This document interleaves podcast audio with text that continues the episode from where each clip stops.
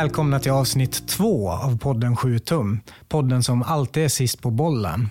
Vad säger ni om det? 80 procent eh, färre nylanseringar av eh, poddar efter corona. Då bestämmer vi oss för att starta podd. Ja, eftersom vi själva är lite utdöende sådär gamla.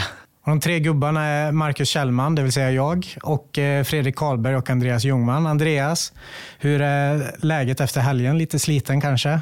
Alltså idag är det ganska okej. Okay. Det var värre igår. Eh, man är ju van sådär att eh, när man är 20, att ah, men fan, man drar till Oslo, kollar på Psykovirol, sover på någon busshållplats på ett kallt jävla golv. Liksom.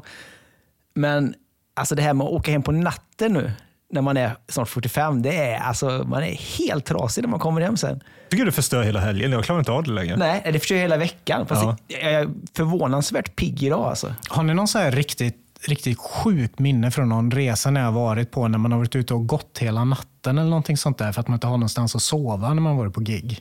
Jag såg Get Up Kids i Linköping och spenderade natten på en parkbänk. Det var fruktansvärt.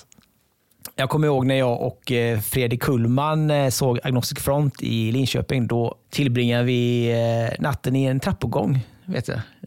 Tog nog första morgonbussen hem till Göteborg.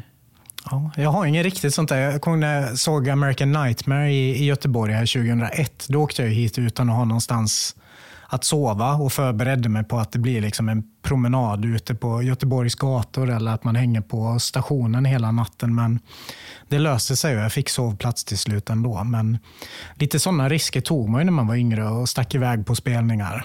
Ja, nu är det lite värre. Vi, vi hade ju hotell från fredagen till lördagen men åkte hem över natten från Alive and Well. Och, eh, ja, det, alltså, det, I teorin är det skitgött att göra det, men eh, sen efterhand då är det inte det är lika alltid kul. skönt att alltså. sova, sova på saken och åka hem dagen efter. Det är alltid gött att sova hemma visserligen. Men, ja, men du sover ju inte. Du kommer hem typ sju, åtta på typ morgonen. Halv, ja. ja typ halv sex, så det var ju förstört ändå. Och Fredrik har redigerat podd sen sist. Hur, ja. hur mycket jobb var det? det? Det tog betydligt längre tid än vad jag trodde det skulle göra. Eh, jag tror jag klockade in på kanske totalt 8-9 timmar för hela podden. Första gången jag gör det också, så det var mycket nytt, så mycket att lära sig, men eh, tack vare lite instruktioner på Youtube så gick det bra. Nu så har det gått nästan en vecka sedan vi släppte första avsnittet och vi har fått en hel del eh, respons. Vad, vad tänker ni, vad har ni fått höra senaste veckan? Det har varit lite väl positivt. Man är lite så här rädd att folk inte vågar säga vad de tycker. Man vet inte. Nej, men jag, jag har också hört nästan enbart positiv respons. Eh, jag hade velat få mer feedback på ljudet och kvaliteten på podden. Överhuvudtaget så vill vi ha så mycket konstruktiv feedback som det bara går att få kring eh, programupplägg och gärna förslag på band eller skivor som man vill att vi ska prata om eh, längre fram.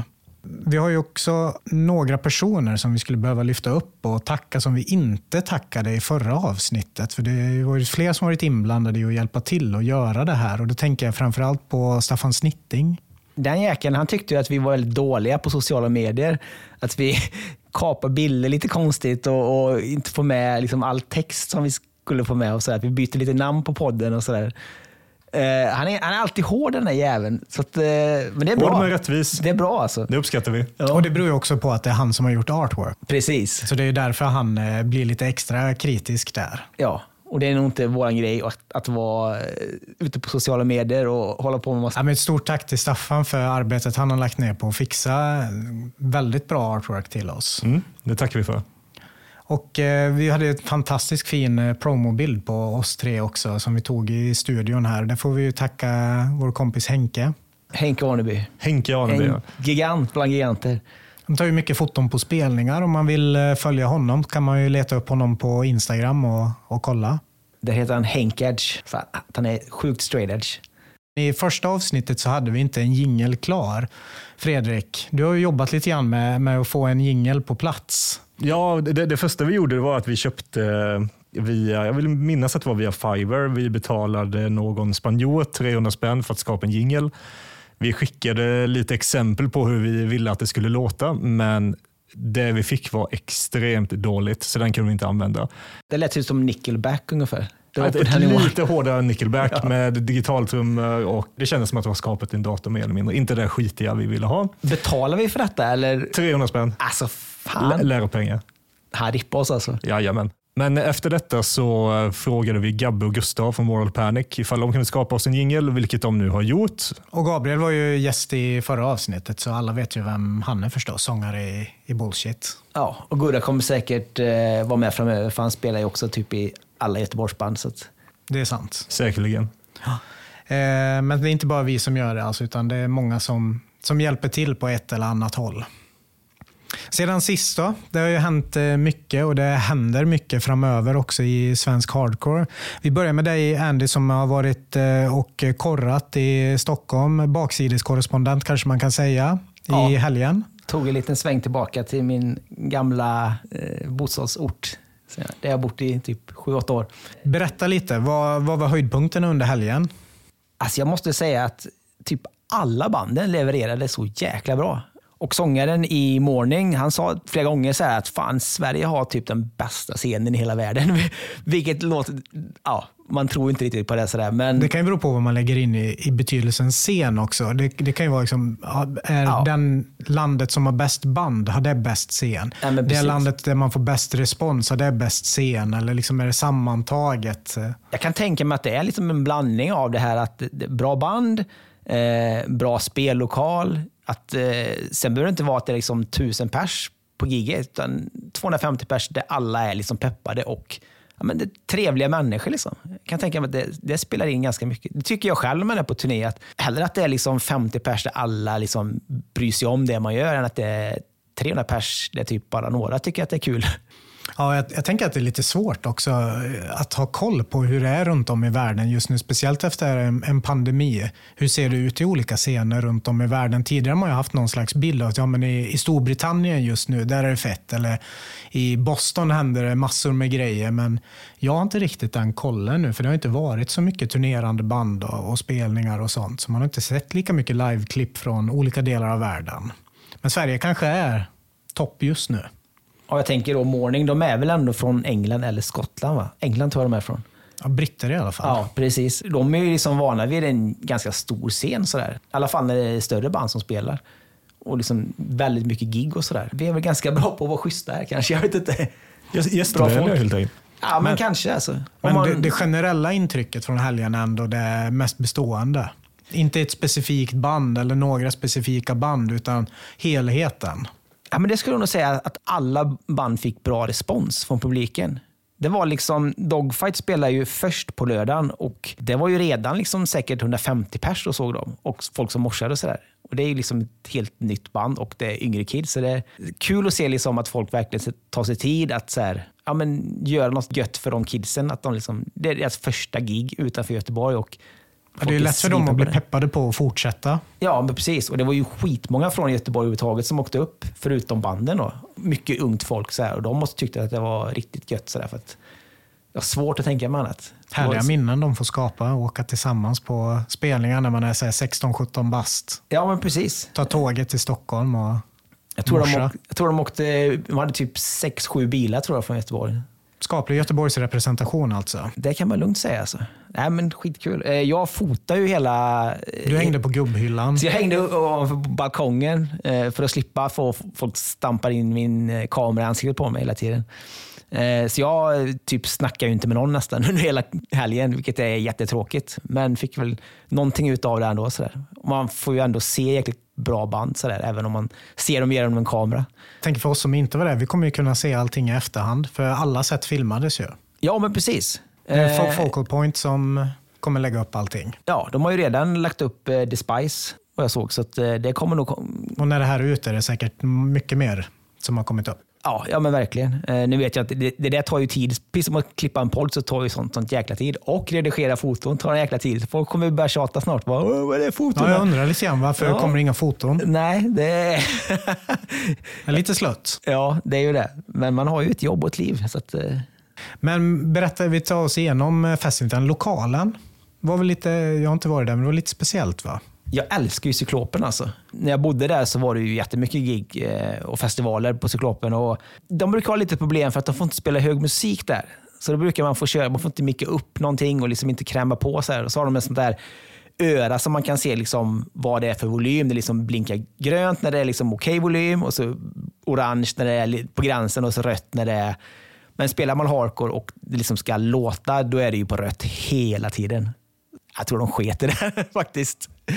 Ja, Jakob beskrev ju lokalen som en eh, plastlåda mer eller mindre. Då, då, då tänker jag matlåda, men eh, tunna väggar antar jag. Det, nej, alltså det är ju en, en, eh, de hade ju en lokal innan på typ ja, det området någonstans i Högdalen. Eh, någon, någon, eh, någon lokal som var i, i trä.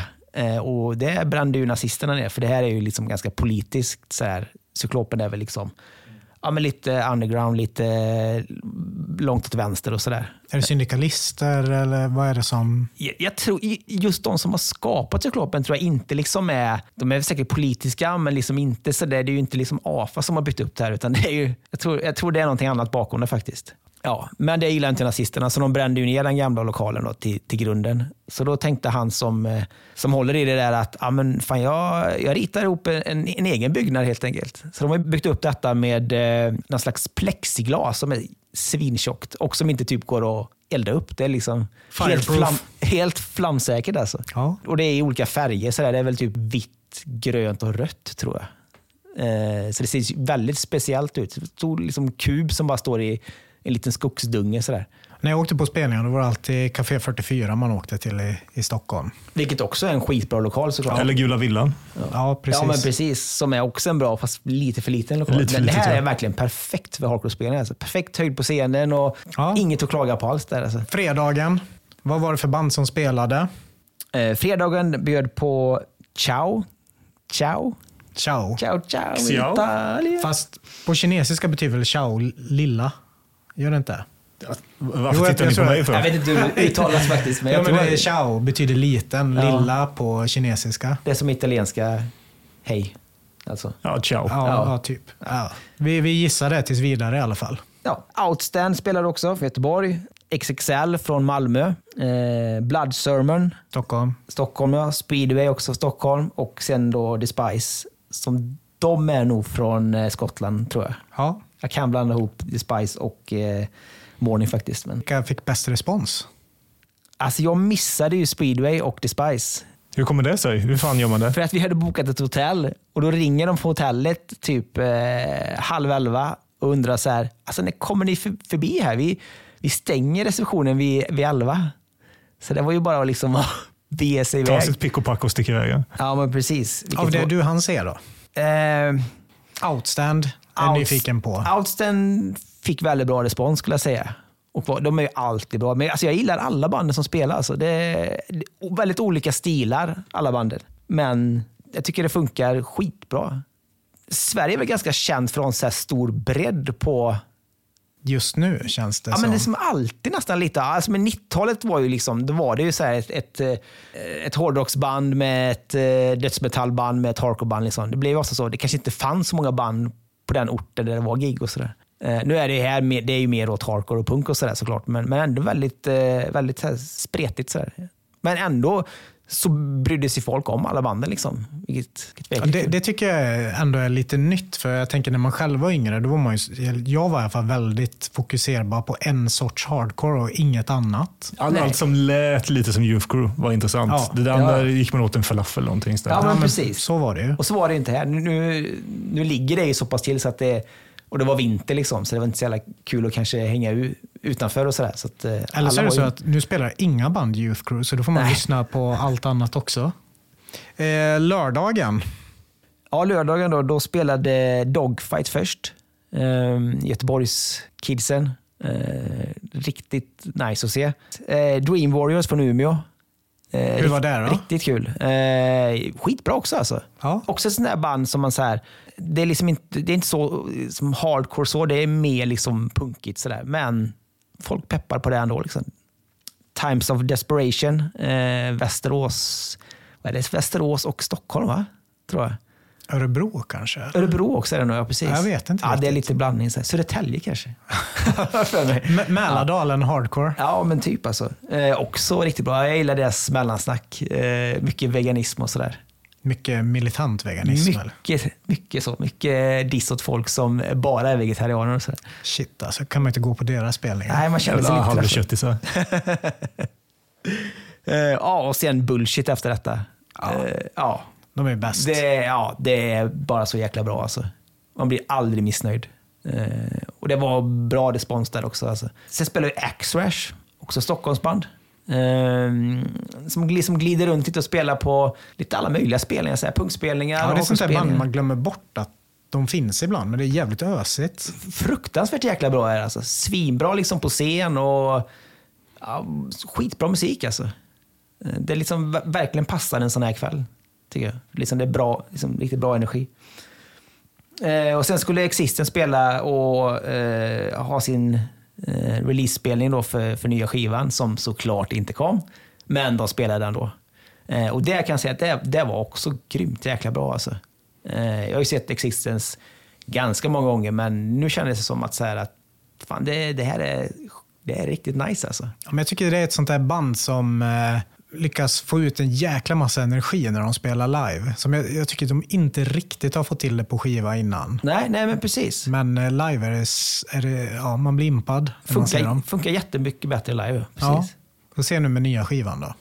Sen spelade ju Morning också. Det är inte direkt något favoritband för mig, men jag tyckte det var, det var nice också. Alltså. Hur, vad fick de för typ av respons då som ett utländskt band? Det känns som att många här i, i Sverige, i alla fall bland de som är yngre, har jäkligt bra koll på alla svenska band.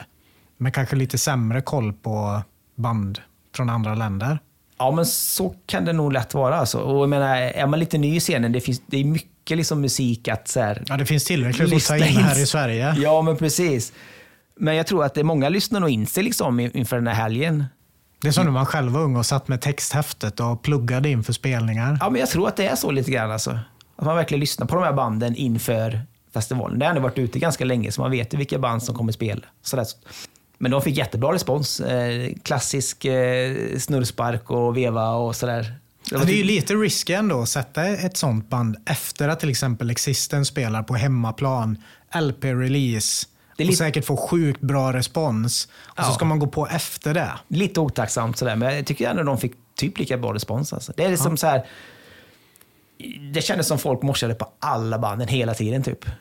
Fan orkar man? Vilket, nej, precis. Man ser ju en del som är igång hela tiden. Jag bara, det är inte sant alltså. Fan, vad gör man liksom när man inte är på giget? Då måste man bara ligga i dvala typ.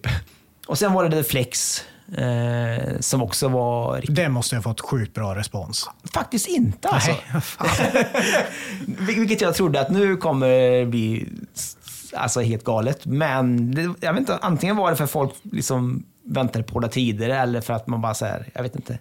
Lugnet före stormen. Ja, men lite Det är så. ju rätt många band som spelat innan också. Ja, men det är ju det. Man vet ju själv hur det var när det var Men jag tänker ändå. The Flex känns ändå som ett band som kanske har influerat en del svenska band.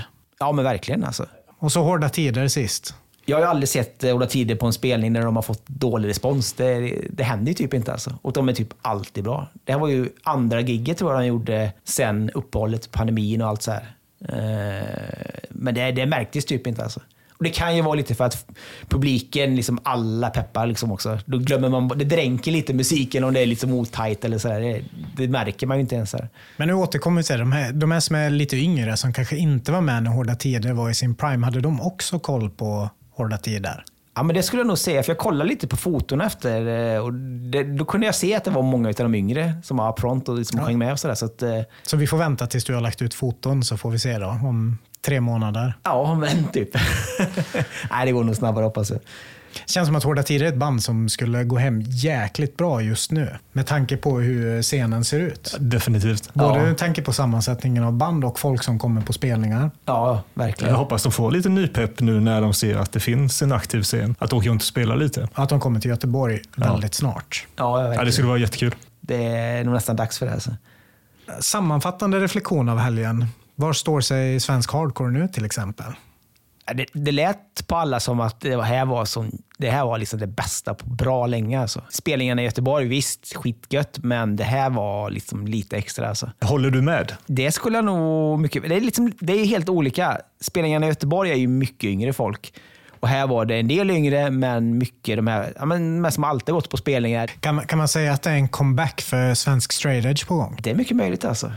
Det är dåligt med Swedish-band visserligen, men, eh, så det hoppas jag... Det kommer. Det kommer. men det är många av de yngre som rappar Swedish och hade X på handen och sådär. Det är härligt. Det såg man från, eh, från balkongen. Du fucking shall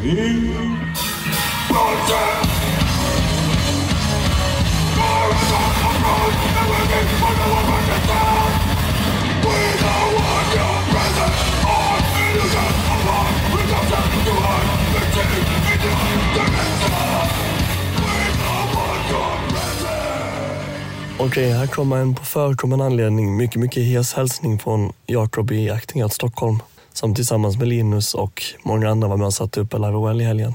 Eh, jag vill börja med att rikta en miljard tack till alla som på något sätt varit inblandade i spelningen. Oavsett om det är genom att spela eller eh, resa till spelningen eller stå i dörren eller stå i köket eller på något sätt nuddat vid det som var Eleven Well 2023.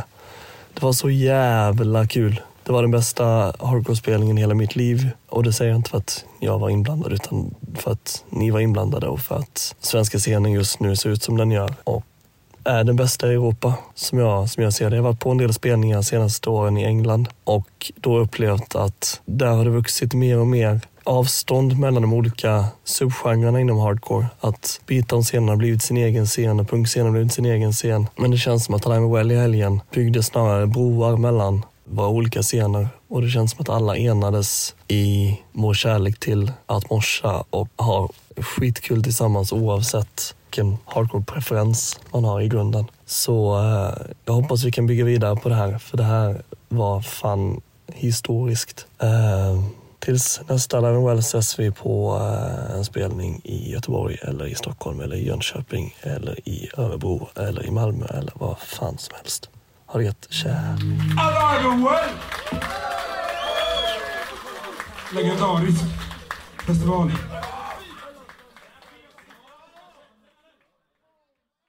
Det är mycket annat på gång i svensk hardcore också. Det är ju band som släpper ny musik hela tiden känns det som. Och senaste veckan eller senaste veckorna nu har vi fått nya låtar av både Dead Reprise och Existence. Och vi har ju alla lyssnat igenom i alla fall någon gång. Vad tänker ni när ni hör deras nya låtar? Ja, men eh, nya Dead Reprise, eh, den är riktigt nice alltså. Ehm, jag tyckte det lät som lite mer nyans i musiken. Lite mer, poler, lite mer polerat på något sätt faktiskt. Jag jag- det är ju folk man känner sedan långt tillbaka liksom. Eh, och alltid lyssnar på. Och de har släppt ganska många skivor tror jag. Ja, fast de har haft ett ganska långt uppehåll nu också. Så det, Det också. jag vet inte hur länge sedan det var de släppte en skiva senast. Det kan nog vara ett tag sedan. Jag antar att det är eh, Anders som har, eh, som har skrivit den mesta musiken. Han som spelar trummor. Säkert. Det, det brukar nog vara det.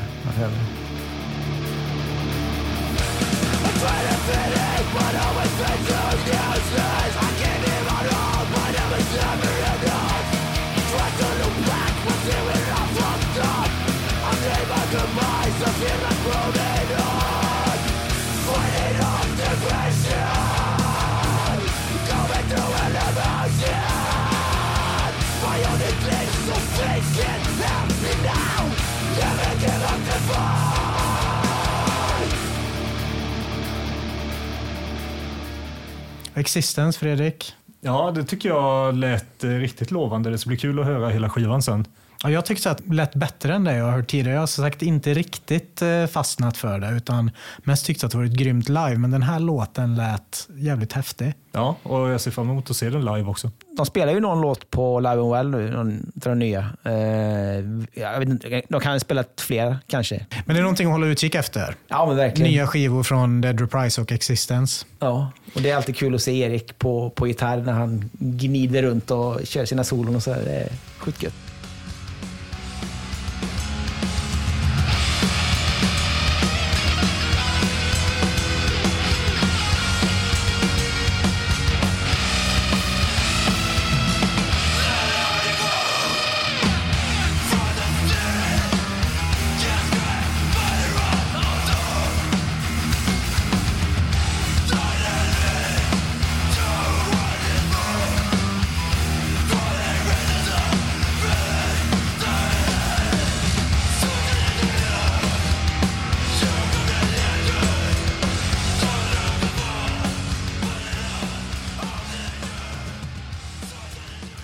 också att det är otroligt mycket spelningar på gång och det känns som det konceptet som har utvecklats här i Göteborg, det börjar få fäste även i, i andra städer. Om vi tittar på både Stockholm och, och Linköping till exempel. Och Jönköping också, Och Jönköping. till och med. Det är lite kul att Jönköping är tillbaka tycker jag. Ja, för det har ju varit bra många år nu sedan det inte varit typ ingenting. Jönköping är annars känt för att vara, det är ju mest varit punkgig liksom. Det går väl lite i vågor. Ja, men precis. Det, fan, det var ju en, en hel del spelningar i Jönköping på 90-talet. Ja, men Ja, då var det stranden, vad hette den lokalen som låg... eh, just det, nere vid vattnet. den kristna, något kristet hus. Oh, jag kommer inte ihåg, jag kommer knappt ihåg hur det ser ut. Jag tror att Burning Flames spelade där en gång och Daniel Fagge slängde en McDonalds-bricka i huvudet på någon kristen. det var Rimligt. sådär bra Det stämning. låter som en bra spelningsanekdot. Ja, Men man hade köttriksdagen i Jönköping, visst var det så? Det stämmer mycket bra. ja där var Det, man. det var- har jag på video. Du har det? Ja, Det vill jag se kan jag säga. nå, någonstans. Vi åkte upp på köttriksdagen. Vi var med på demonstrationen, men sen så åkte vi hem innan spelningen för att en av mina kompisar skulle klippa sig, vill jag minnas. Principen var väl den att folk från industrin träffades och diskuterade kött. Och det var ju ett jävla givet upplägg för folk att komma dit och demonstrera. Så det var ju upplopp och det var spelning, det var mathäng. Ja, det var bland det bästa som hände mina tonår kan jag säga. Sånt jävla härj. alltså. Sånt Men- jävla Men ni var inte i, vad fan var det? I Skara var det Nej. eh, pälsriksdag, tror jag. Det var jag Det är icke. typ alltså, pälsgubbar och gummor träffades och, och diskuterade päls. Ja, men på den tiden kunde man ju som eh, demonstrant bete sig hur, hur fan man ville utan ja. att det var några repressalier. Ingen, inga poliser ju- hade ju kameror. Det fanns liksom inga, alltså, det var liksom... nej, nej, de, de stod tryckt i ett hörn Det under var så tiden här- och man härjade runt. Ja. Ja, men det var verkligen så. Alltså folk så här, det var ju snö också eh, i Skara där, så att eh, folk, eh, Oj, vad jobbigt med snö. nej, men folk la in stenar i snöbollar och kastade liksom.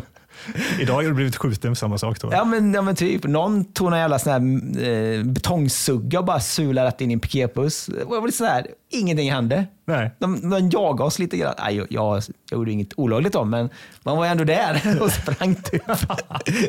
Man hängde med sprang och flowet. pekade finger åt, åt, åt uh, Aina. Ja, det var det bästa. Det var det bästa. Om jag inte har slängt det så har jag nog i alla fall eh, en video när Forced Into spelar och jag tror Goran sjunger eh, Crucified med Forced Into på slutet. Att det, Var det deras kostymperiod eller var det innan Det det? var ingen kostym då. Ja, Okej, det var de var bra då. Ja, kanske det. ja, jag var där och såg spelningen. Det var, Mm. det var nice. Var det. 18 mars är det ju spelning på gång i Göteborg. Då kommer Speedway spela med Feels Like Heaven och eh, Into Deep, så det blir något att se fram emot. 11 mars nu så drar vi kanske ner till eh, Malmö och kollar på eh, Big Babe, Manic Ride, Dogfight. Är det något mer band? Japp, Uppsala. Obnoxious Youth, Japp. just det, såklart. Och det är väl också i något sånt där slags garage på Gräng- Grängesbergsgatan tror jag. Ja, som typ Tricia brukar arrangera. Eh, de, de har ju spelningar där Speedway spelar nu i november var det väl, i slutet av oktober. Eh, och det ska ju typ vara precis jämte. Och det är väl något liknande garage, typ golfspelning så här. Sen kommer Sidestep eh, sticka upp till Stockholm och spela med Into Deep och Better Than You, också Into Deep härifrån förstås. Bullshit sticker till Linköping och spelar med Slöa Knivar bland annat. just det, den spelningen kom upp idag tror jag. Ja, jag tror det. Så det är mycket spelningar på gång. Och Ja. det har även varit en hel del spelningar senaste tiden. Disavow och Obstruktion stack ut på en liten, liten runda här i Sverige. Först till Jönköping och sen till Umeå och Luleå. Just det. Och jag tänker att när Dream Warriors kommer ner hit och spelar, det vore kul om vi kunde få lite fler band som söker sig norrut och band som kommer ner hit och spelar. Ja, man får lite utbyte typ som... Ja, som det var förr. Ja. Men det är nog på gång alltså. Det är liksom en, efter pandemin, då lossnar allting nu helt plötsligt. Ja, det är jättekul. Men vi måste gå vidare nu så att vi kommer in på dagens huvudtema som ju är speedway. Ett eh, ganska nytt svenskt band men som redan har kommit väldigt långt. Ja, det- Spielberg hade ju lite otur där med att, eh, att dra igång typ precis innan pandemin. Så att de hann ju liksom inte knappt spela någonting eller turnera eller någonting. Ja, men vad skulle ni säga? Speedway, är ni fans av bandet? Ja, helt klart. Jag tycker det är kul att vi har ett svenskt band som eh, både besitter den kvaliteten som de besitter men även spelar den typen av musiken. Sen eh, första gången jag hörde talas om speedway var när Andy kom hem från Shelter-spelningen som var i Stockholm. När kan det ha varit? Det var, undrar om inte det var november. November var det i alla 2019. fall. Ja, kommer han i alla fall hem och säger att eh, ett nytt svenskt Youth Crew-band som låter riktigt, riktigt lovande. Och det har ju eh, verkligen tagit sig. Här har vi ett band som eh, pikar med att släppa på Revelation. Det som jag gillar med speedway, förutom att det är ett bra band, det är ett, det är ett band som sticker ut lite grann i svensk hardcore. Det finns inget band som låter som speedway. Nej, det det är ingen uppenbar kopia på någonting. Jag tycker de har Nej. gått mycket sin egna väg också. Ja, det, jag har verkligen ansträngt mig för att försöka pinpointa på något vis vad är det för sound de har. Vad, vad kan det finnas för influenser? Men det, det är ganska svårt faktiskt. Om du skulle jämföra med något band. Jag tänkte ett tag när jag lyssnade på det, här, för det man fick höra i början var att det låter som Turning Point. Men det gör det inte. Nej, inte alls. Det, tyck, det tycker jag inte alls. Jag tycker att Feels Like Heaven låter som sentida Turning Point. Men jag tycker inte att eh, Speedway gör det. Däremot så tänkte jag att det lät lite grann som typ Sinking Ships. Det här liksom melodiska Youth Crew utan att riktigt vara Youth Crew. Lite One Step Closer. Men ändå lite svårt att säga för det känns som att det är så många olika influenser som kommer in i deras sound. Mm. Och det blir väl så också nu. Det, det, men det har ju släppt så mycket band och skivor och sådär så att man kan ju plocka från så mycket olika håll. Och det gör ju folk också lite grann. Sen kan man fråga sig hur intressant är det också att jämföra med andra band. De, det är ju också ett band som kan stå på, på egna ben. Ja, de går sin egna väg också. Jag tycker ändå de är lite, inte unika, men att det är lite, de har ett eget sound liksom. Och, det, det jag tycker är mest intressant är egentligen eh, vad kommer hända nu efter den här skivan? Vad är deras mål? Men jag tycker också det här med att det är så många band i Sverige som är, spelar ganska hård hardcore just nu. Speedway gör ju inte det. Det är ju ganska soft, det är melodiskt. Vi har ju kanske Nowheres också som befinner sig någonstans i de trakterna. Men de kan spela på en spelning med band som är väldigt mycket brutalare än vad de är. Och ändå få bra respons av samma människor och väldigt bra live. Väldigt bra live. Skulle säga att det håller väldigt, väldigt hög klass. Alltså. Både i Sverige och du även pratade om det i internationellt. förra avsnittet, att eh, du har varit med dem på turné. Ja, men precis. Liksom varenda gig de spelar på var de bra på. Och visar liksom hur kul de har när de spelar. Det är både duktiga musiker, men de är även bra. Liksom, de rör sig snyggt på scen och har väl, väldigt, väldigt roligt när de spelar. Det känns som ett väl sammansatt band också, individer. Ja, men verkligen. Ja, men ofta är det ju så när man är på turné att ja, men man kanske spelar en spelning med något större band för typ 200-300 pers och så nästa gig så är det, kommer det fem pers. Men det gäller ju verkligen att visa varje gig att det spelar ingen roll hur lite folk det är. Liksom. Man är lika peppad på, för att spela. Och de här fem persen som är där och ser bandet, de kommer i sin tur sen. Ja, men fan, vi såg ett band, vi var bara fem pers och de såg ut att ha så jävla kul och var så jäkla bra. Och Då kommer de ju liksom föra vidare det här snacket och sen antagligen kommer det fler folk på nästa spelning. Mm. Liksom det gäller inte att vara de här som bara, ah, vi bara spelar några låtar och så går vi av scen och så får det här vara bra. Liksom. Bara ta pengarna och sticka typ. Skivorna då? Live är jättebra. De har släppt eh, två stycken skivor. Vi kommer framförallt fokusera på andra skivan som är släppt på Revelation. Den första på svensk hardcore-kultur. Sen kom den här för, kan det vara ett år sedan ungefär. Ibland när jag lyssnar på speedway på Spotify så lyssnar man ju igenom allting på en Ja, gång och då liksom smälter det ihop lite grann. Men lyssnar man på en skiva i taget så tycker jag det är väldigt tydligt att det är ett band som har utvecklats väl, väldigt mycket från första skivan till andra skivan mot eh, ett sound som är lite, lite mer sammanhållet kanske. Mer midtempo hardcore, Lite mer svängigt. lite än- svängigare, än lite mer rock. Utan, utan att vara rock Ja. liksom va? Ja, men- Det är ju fortfarande hardcore till 100 procent Ja, känns det Lite, som. lite catchy är det ju ändå också. Ja, och det är väldigt hög energinivå utan att för den saken skulle vara snabbt. Va? Man lyckas bygga upp den här energin ändå, som sen också lever vidare in i deras liveset. Men du pratade ju upplägget om låtarna att du kände att man byggde upp den här lilla energibomben som sen briserade. Ja, men jag tycker det. Jag tycker Balance är ett jättebra exempel på en sån låt som, som börjar, liksom, man bygger upp och sen bara släpper man loss det med första, första raden i texten. Anton som person, Andy, du känner ju honom lite grann. Vi gör ju inte det riktigt, men du har ju varit på turné med honom. Vad har du att säga om honom? Jag känner ju typ mer eller mindre alla sen ja, men hyfsat långt tillbaka i alla fall. Eh, och när, när, jag, när vi snackade om turnén då, att jag skulle hänga med och sådär. Eh, menar, de är ju så, så pass mycket yngre än vad jag är. Eh, och när man är i min ålder så blir man ganska lätt trött och sådär. Tycker det är jobbigt när folk är för stojiga och sådär. Eh, så de, de var lite sådär, ja ah, men vi hoppas att du pallar detta. Vi, vi kan nog vara lite jobbiga och sådär. Alltså. Och jag kan säga att den här turnén, det var sån jävla relax alltså. Jämfört med att ha suttit i turnébuss med Goran och Lillen menar du? Ja, kan man lugnt säga. Eller alla turnéer där vi har haft fotspår i taket på bussen för att det varit sånt jävla mosh inne i bilen. Exakt. Nej, det här var fan ingenting. Och så, sjukt bra turné, bra upp, uppstyrt. Så här, lagom långa körningar, bra käk, bra sovplatser, bra gig. Allt var liksom så här bara, det var som att vara på semester. Alltså. Jag bara åkte runt och njöt av Europa. Du har ju sagt någon gång att Anton är lite av en perfektionist. Att Ja. han inte liksom släpper ifrån sig en låt eller något sånt innan den är verkligen klar. Nej, precis. Och jag kan verkligen se det. Eh, men jag kan ju inte musik. Ingen av oss kan ju riktigt så musik mot vad jag tror Anton kan. Jag, jag, när jag tänker på Anton, då är det han har sånt sjukt gehör och han lägger allt så jävla tajt, vare sig det är trummor eller sång. Alltså. Gäller det texter också? Jag skulle säga det också. Alltså. Jag tänker att det går liksom hand i hand. Att man, är man sjukt bra på trummor eller gitarr och sådär, då är texter inga problem. Kanske att komma på ord och sådär. Och Mm, det var liksom- lite det jag tänkte. Ja, Att, lägga dem rätt, inga problem sådär. Men det att skriva är väl en, en annan sak kanske.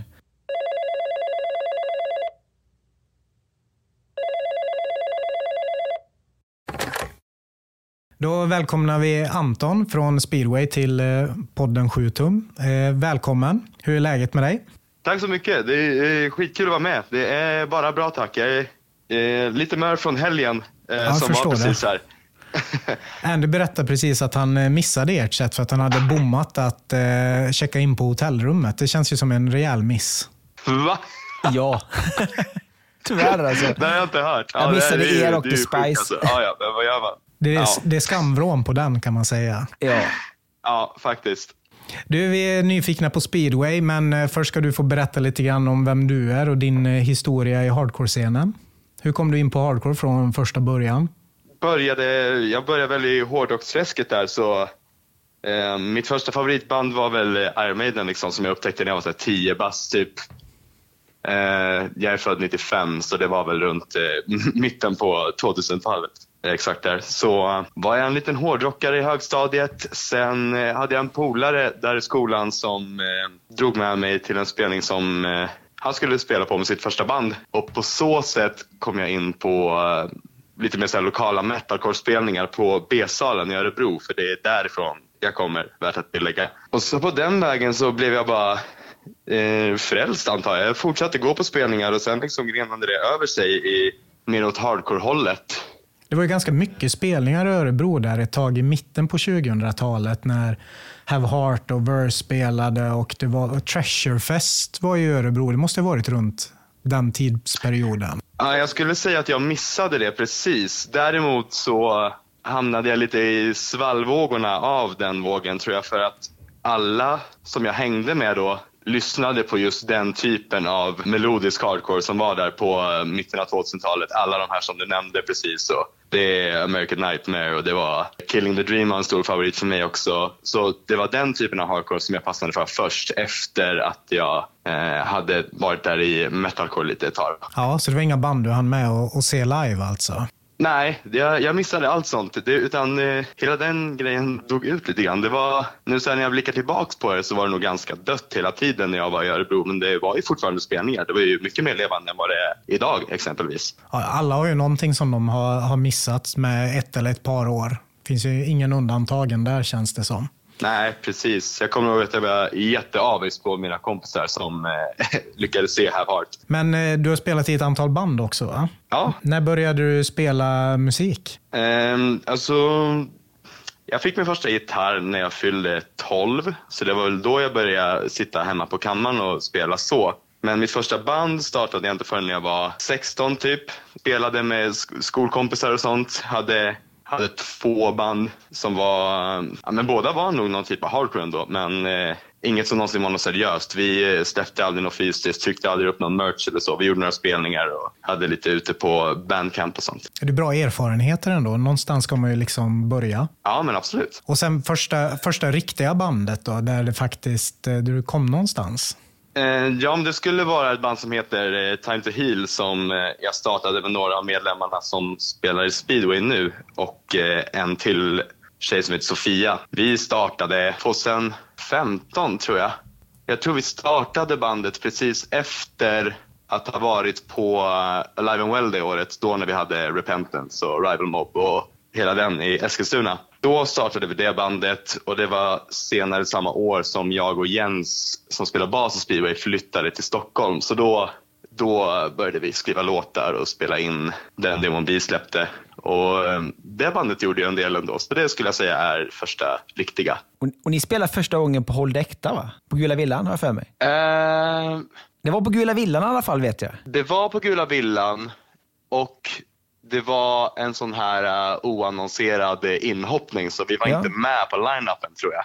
Nej, precis. Sen minns jag inte exakt vilka, jo men The Hammer spelade vet jag, sen, sen tappade jag det. Ja. ja, det var ett tag sedan. Fullt fokus på eh, sitt eget musicerande kanske. ja, lite så kanske.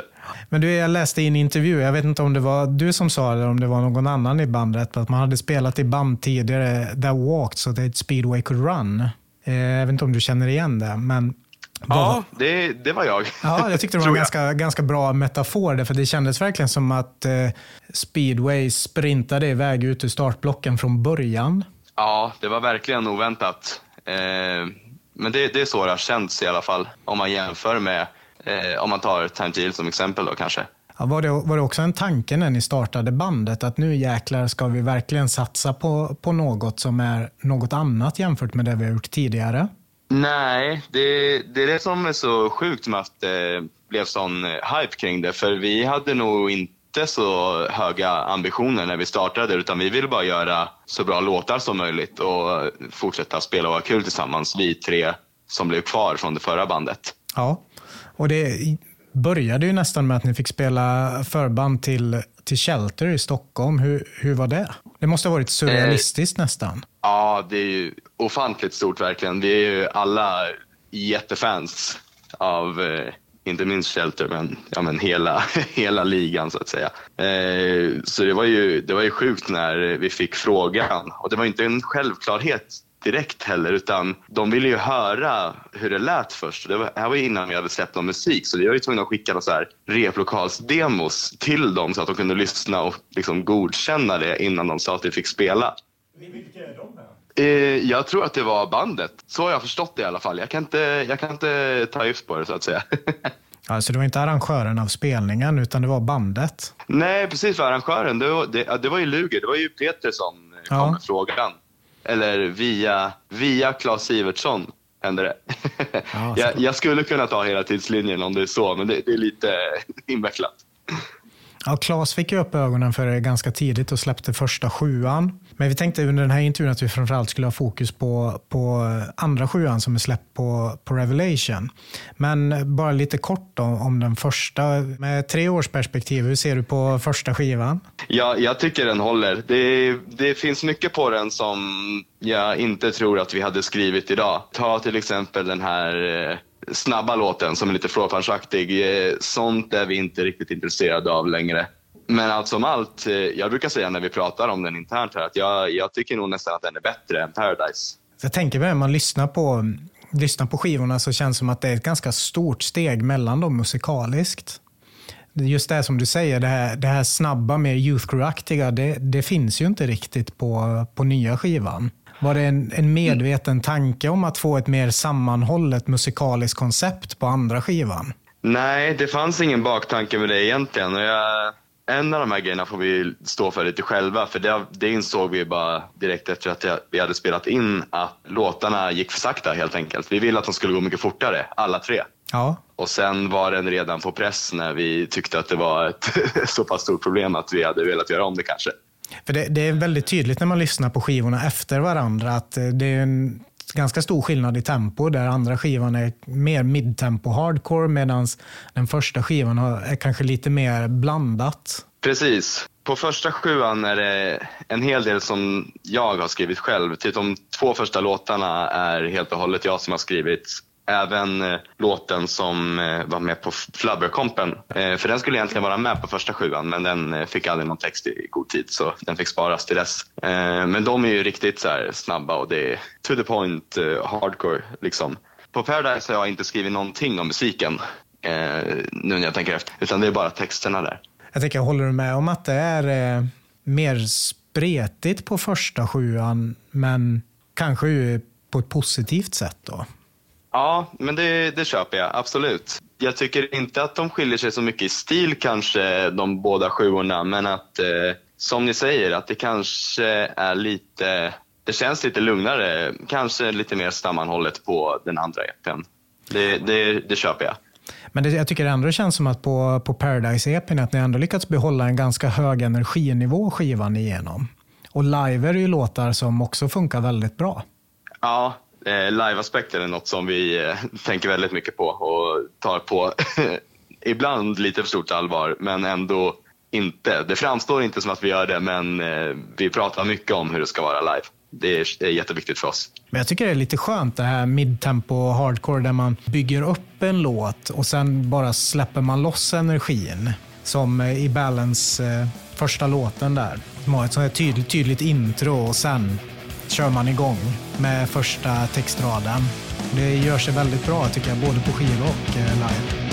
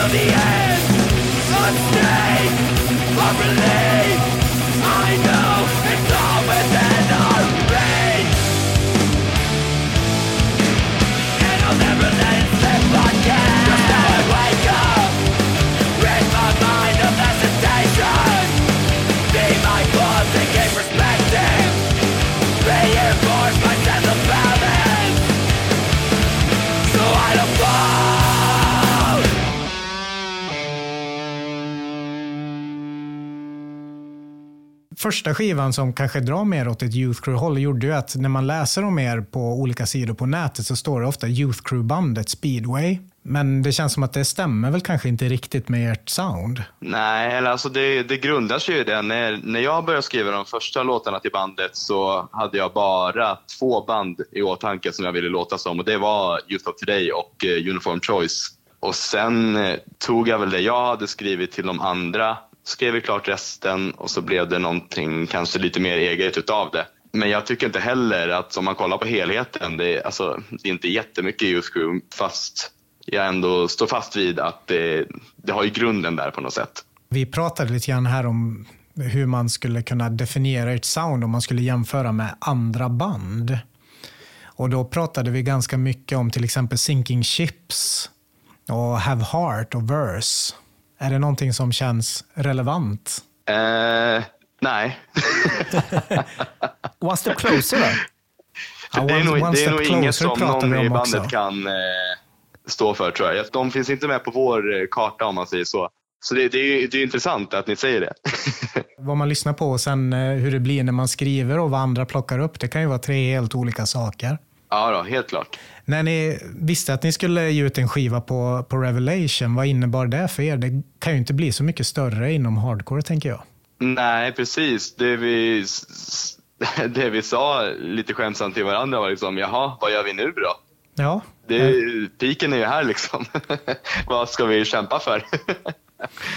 men eh, det var ju som sagt, det skämtar lite grann, men eh, det är ju hur stort som helst verkligen. Ja, är Youth of Today den stora inspirationskällan när man skriver sin musik, då, då har man ju hittat hem på något vis. Ja, men gud ja. Eh, sen ska jag inte vara oärlig, utan vi, vi tyckte ju ändå att alltså, Revelation var ju vad det var back in the day. Det är ju inte riktigt samma standard längre kan jag tycka. Men med det sagt så är vi väldigt stolta, inte över att bara vara ett svenskt band som får ta svensk musik in på det bolaget, utan, utan också att vi får ta den typ av musiken som på något sätt kommer från deras arv och liksom ta det tillbaka in i deras katalog om ni förstår vad jag menar. Ja, absolut. Det är ju Det inte, mindre, kändes eh, jävligt stort för oss. och det är ju inte mindre credit att släppa på Revelation idag. Det är ju fortfarande väldigt stort på något vis. Ja, gud ja, gud ja. Men är, är det Sammy som jobbar på Revelation? Eh, ja, precis. Jag vet inte om det är hans heltidsgig, liksom, men jag, jag gissar nästan på att han... Eh, jag, jag vet inte säkert. Jag, jag gissar på att han bara är musiker och kanske jobbar lite på Rev när han eh, behöver eller vill eller något sånt där. Eh, han är vår kontaktperson där i alla fall, så det är honom vi sköter allt snack med. Nyper man sig själv i armen ibland och tänker nu sitter jag och snackar med Sammy från eh, Youth of Today och Judge och allt vad han nu har spelat i. Ja, li, lite, lite sjukt är det när man, när man ser på det så. Alltså. Vad har ni fått för, för feedback från eh, Revelation på skivan? Jo, men de, är, de verkar nöjda, de verkar taggade, de tycker att det är kul att det är ute. Liksom. Det, det mesta snacket har väl egentligen varit innan vi släppte i och med att det var en sån eh, jäkla lång process. För vi eh, skickade ju den här på, på press mitt i högsäsongen av eh, tryckerikaos i världen. Så egentligen skulle Paradise ha kommit ut sommaren 2021 men den blev ett år försenad. Låtarna var inspelade och klara när vi signade med Rev redan.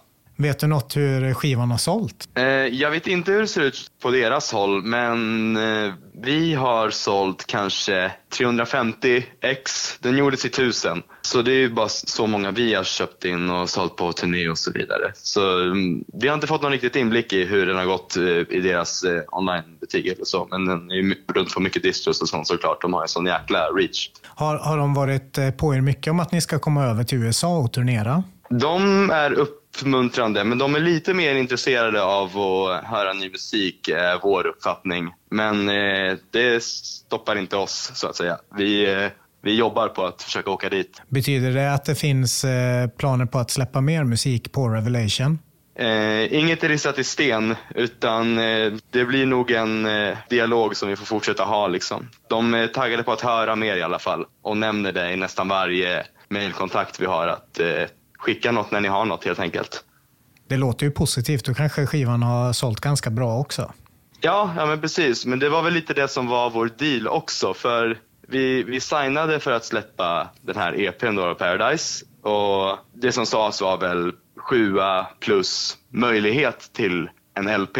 Om båda parter är taggade. Typ. Det är så vi har tolkat det i alla fall. Har ni skrivit eh, ny musik? Oh ja, vi har eh, massor. Vi, eh, för ett par månader sedan här hade vi runt en 20 låtar kanske som vi, eh, vi bestämde oss för att komma till replokalen en hel helg och så gå igenom alla och liksom skala av det vi inte gillar. Vissa är ju rätt gammalt, vissa skrev vi ja, men typ 2020 eh, som bara ligger och väntar på att bli klara helt och hållet. Men nu har vi en 8-9 kanske som är klara med alla instrument och sånt. Så måste jag eh, ta mig i kragen och skriva lite text helt enkelt. Jag har lite svårt för sånt så det brukar ta lite tid. Eh, du sa att, du kanske, att ni kanske var lite missnöjda med tempot på Paradise. Betyder det att eh, det är en annan musikalisk inriktning nu eller något helt annat förstår jag att det inte är. Men hur skiljer sig de låtarna från de som hamnade på Paradise? Eh, jag tror det handlar mest om att ja, men ta fram de bra delarna som vi tycker att vi har. Det ska aldrig råda några tveksamheter om vad vi vill förmedla, tänker jag. Eh, för att vara lagom eh, diffus. Men känns det som en utmaning att sätta ihop en hel LP? Det beror nog på lite vem du frågar i bandet. Frågar du mig så skulle jag säga absolut. För jag, jag tänker väldigt mycket på detaljer och vad ska man säga? Alltså man, jag gillar ju när en skiva har... Eh, det är nästan som dramaturgi liksom, när man går på film. Man ska bara vilja lyssna på hela skivan om och om igen. Det är så jag vill ha det lite grann. Och jag, jag tycker att det är supersvårt när man bara står och skriver hardcore-låtar. För det är ju det, är det det ska vara liksom. Ja, precis, är det en sjua med tre låtar så kan du inte sätta ihop den på så, så många olika sätt kanske. Ska du ha tolv, tolv låtar blir det ju något annat. ja, så är det verkligen. Det känns som att det finns ett tema i, i speedway som handlar om personlig utveckling. Det är genomgående i texterna och man ser det ju i layouten på senaste skivan också. Är det, ett, är det ett område som du själv känner att du har behövt jobba mycket med eller är det bara ett generellt koncept som du tycker är intressant att filosofera kring? Det är nog lite båda delarna faktiskt. För jag skriver ju från en, från, själv, från en självupplevd plats skulle jag säga. Eh, det är väl klart att jag har haft eh, perioder då jag har kanske mått lite sämre och har velat, eh, velat eh, röra mig framåt liksom och eh, må bättre. Och sen handlar det mycket om, mycket har varit så här att jag vill intala mig själv om att saker blir bättre och att eh, man själv har det som krävs för att göra sin omgivning bättre. Ja, det, det är inte ett ovanligt tema inom hardcore heller, tänker jag. Eh, Nej, gud ja. Eh, Alltså, på, lite på skämt så har jag resonerat just kring Balance-låtarna att alla tre låtar är inspirerade av ett mellansnack som Ray Capo drar hela tiden. Känner ni till den han brukar dra om, eh, om eh, vågorna på vattnet, ringarna? Ja. Det mellansnacket har jag insett går att applicera på de här tre låtarna i följd. Eh, för jag tycker att Balance handlar om att bättra sig själv. Jag tycker att Hands of Time handlar om att eh, nå ut till de närmast omkring den. Försöka göra, göra gott kring sina närmsta och så. Och Paradise avslutar med att, eh, eh, klyschigt sagt, man har, man har allt som krävs liksom för att göra eh, verklig nytta och eh, verklig positiv inverkan på, i världen. Ja, men det, det är verkligen Men så. det var inget jag hade i åtanke när jag skrev det, utan det här har jag bara kommit på efteråt och tyckte det var roligt. Om, om man tänker, det är ju som sagt ett ganska vanligt tema inom hardcore, inte minst hardcore som har den här typen av musikalisk inriktning. Men uh, har det funnits band där du har funnit inspiration till att, eh, hur du lever ditt liv, förutom uppenbara här och Youth of Today? Nej, men när det, när det kommer på så här, när, man ska, när jag ska prata om mig själv på det sättet så är det nog, det är nog inte så mycket musik egentligen. Sen är det självklart att eh, eh jag har kunnat tacka för mycket liksom. Allt vad gäller gemenskap och värderingar och sådana saker. Men egentligen är det nog bara mina nära och kära polarna och flickvän och familj och sånt som, eh, det är väl det som gäller egentligen. Jag hade ju en liten personlig beef med speedway då ni eh, under en lång period i mitt liv vägrade spela covers. Lång period i ditt liv. Jag kände Fan, så. du är över 40. Bandet har funnits i fyra år. När ni signade Revelation så var det ett perfekt tillfälle att eh, sluta cirkeln helt enkelt och ge sig hän åt lite publikfrieri Eh, och slänga ut lite covers till publiken. Men som jag förstår det så det var relativt motvilligt ändå. Det beror nog på vem du frågar. Eh, de flesta av oss är väl oftast öppna för att kanske spela covers, men eh, när vi snackar ihop oss som en enhet så brukar det oftast landa i att nej men vad fan, vi har ju egna låtar, det är det vi vill spela. Eh, sen ibland så eh, klämmer vi in någon, men då är det nog som du säger lite eh, publikfrieri. för att vi tror att folk ska tycka om det. Ehm, ja, men vi föredrar helt klart att bara köra eget egentligen. Det kan man ju acceptera, helt klart. Jag kan säga att jag har fått avslag många gånger när jag har velat spela någonting. Men ni fick ju lite feeling på turnén i alla fall. jo, då, då körde man ju ibland. Och då, då var ju, ibland, ja precis, ibland var det de andra som var peppade. Sen tyckte jag att eh, eh, ja, vi hade repat in eh, Nervous Breakdown av Black Flag när vi var på turné, för den som lyssnar och inte känner till. Eh, den tröttnade jag på ganska snabbt kan jag säga. Hur tycker du det är att spela i Sverige nu? Eh, Jag tänker vi har en scen som, jag vet inte om man ska säga att den exploderar, men den växer i alla fall väldigt snabbt utifrån er perspektiv på scen. Att stå där och se hur scenen bara blir bättre och bättre. Vad ger det för känsla? Det känns, eh, det känns verkligen mäktigt och det känns sjukt stort att det som eh, jag och folk i min omgivning, jag, menar, jag, jag är med och sätter upp spelningar med Acting Out här i Stockholm och vi är också väldigt nära vänner med, eh, med Moral Panic och så nere i Göteborg. Eh, och det känns så jäkla stort att se utvecklingen som skett här senaste året och jag hoppas verkligen att eh, det smittar av sig det Moral Panic har här uppe. Vi har, vi har lite kids som kommer, men inte alls lika många.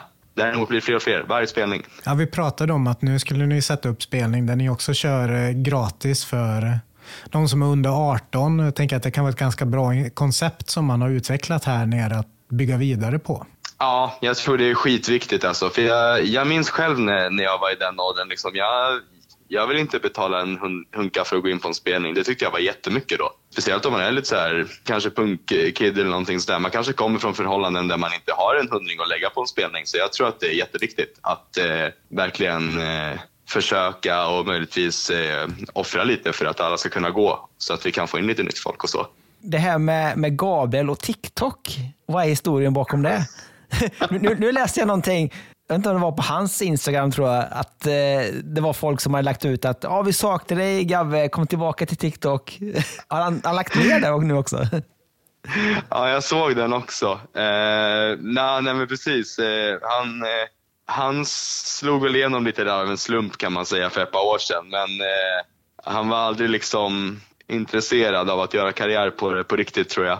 Så han eh, försvann. Eh, han försvann för ett tag sedan, eh, är vad jag har förstått. Jag, jag har inte TikTok själv så jag har inte hållit mig jätteuppdaterad. Men det är vad jag har i alla fall att han, han har väl lagt av mer eller mindre. Det är nog ganska sunt kanske, för välbefinnandet kan jag tänka mig. Jag sa, jag sa till honom sist, sist vi sågs att eh, han borde göra om sitt eh, TikTok-konto till ett Speedway-konto så att vi kan ha över 100 000 följare. ja, gjort. Det är bara att köra. ja, jag får tjata på honom. Inte för att jag vill ha en TikTok, men jag vill ha siffran, eller hur? ja, ja, ja. vet, vet hans följare om att han har ett hardcore-band? Ja, det har han varit ganska, ganska öppen med. Eh, han har väl lagt upp lite grejer, så ah, nu ska vi åka och spela på den här grejen. Typ. Då när han fortfarande höll på. Och det är ändå det är mycket kids som har eh, hört av sig till honom och sagt att de tycker att det är coolt. Det är, det är en del som till och med har köpt merch och grejer också. Så det, det har ju hjälpt lite grann, helt klart. Tror du att det är anledning till att Revelation signade det till att börja med? Nej, för det, det var innan. Ja, ah, det var innan, eh, okej. Okay, ja. Det var innan TikTok. Men Musikhjälpen var väl efter Revelation, va? När ni spelade där? Ja, men där, där kan jag säga att Musikhjälpen var eh, snarare efter TikTok. Ah, just det. För det var Gabbe egentligen som var huvud... Det var precis, det var Gabbe som var gäst egentligen. Sen eh, lyckades han vara på dem och klämma in oss också så vi hade en delad plats. För han hade nog en timma avsedd för honom, har jag för mig. Jäklar. Eh, men sen sa han till dem att jag, jag har inget att komma med i en timma. Kan vi inte klämma in mitt band också? jag kan väl recensera lite nudlar och sådär. Det har varit kul. Ja, men eller hur? ja, men jag föredrar ju hardcore, så det där, ja. det där bangar man ju inte på. Det är ju stort. Jag tänker den uppmärksamheten som ni ändå har fått, dels, dels där, men också genom Per Sinding Larsen. Vad, vad har det spelat för roll för bandet? Eller spelar det ingen roll? Det kanske bara är en krydda? Uh, ja, PSL. Uh, internetkontroverser. Sura miner. Vart är det? Ni sa någonting dumt där eller? Under...